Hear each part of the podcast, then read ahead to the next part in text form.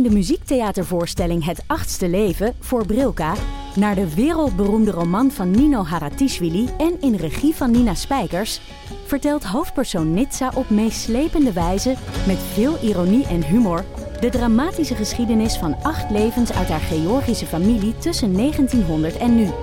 Een hartverscheurend en tegelijk troostrijk drama verteld vanuit het perspectief van vrouwen uit verschillende generaties waarbij het publiek meegenomen wordt op een emotionele, visuele en muzikale reis door de 20ste eeuw. Koop je tickets voor het achtste leven via oostpol.nl.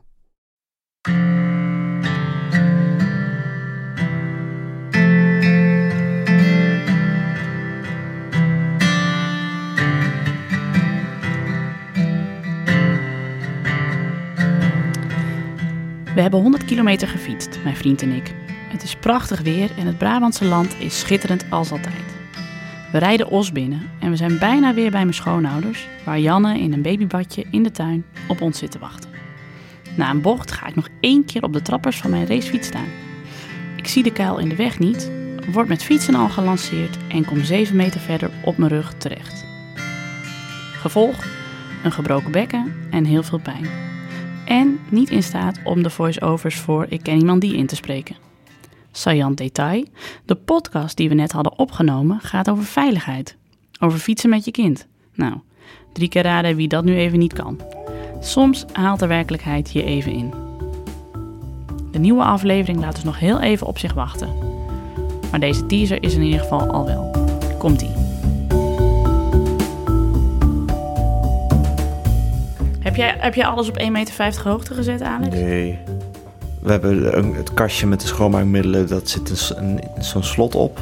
Oh ja. En eh, het dingetjes in de, eh, in de stopcontacten, maar ook niet altijd. Een soort Russisch roulette voor de kinderen. Nou, ja. Kan ik hier mijn vinger wel in steken of niet?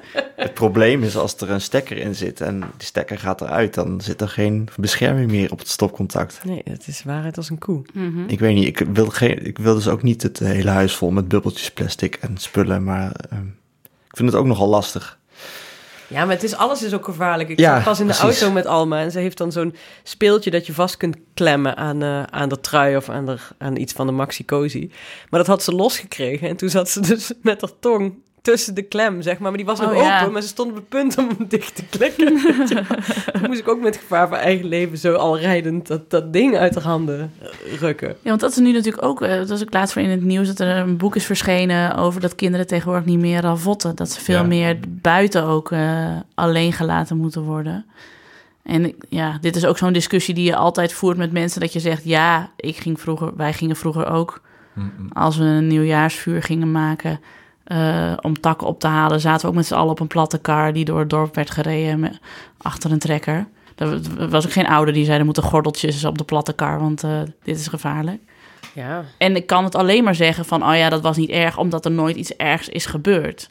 Dat is het probleem misschien met dit hele onderwerp. Jouw hele referentiekader is opgebouwd uit andermans ervaringen. En zodra, zolang daar geen slechte bij zit, denk je, het kan wel, kan wel of zo. Of je moet niet te betuttelend zijn of zo. ja, ik denk dat dat wel zo werkt. Dit en meer hoor je allemaal in aflevering 2 van Ik Ken Iemand Die. Doei!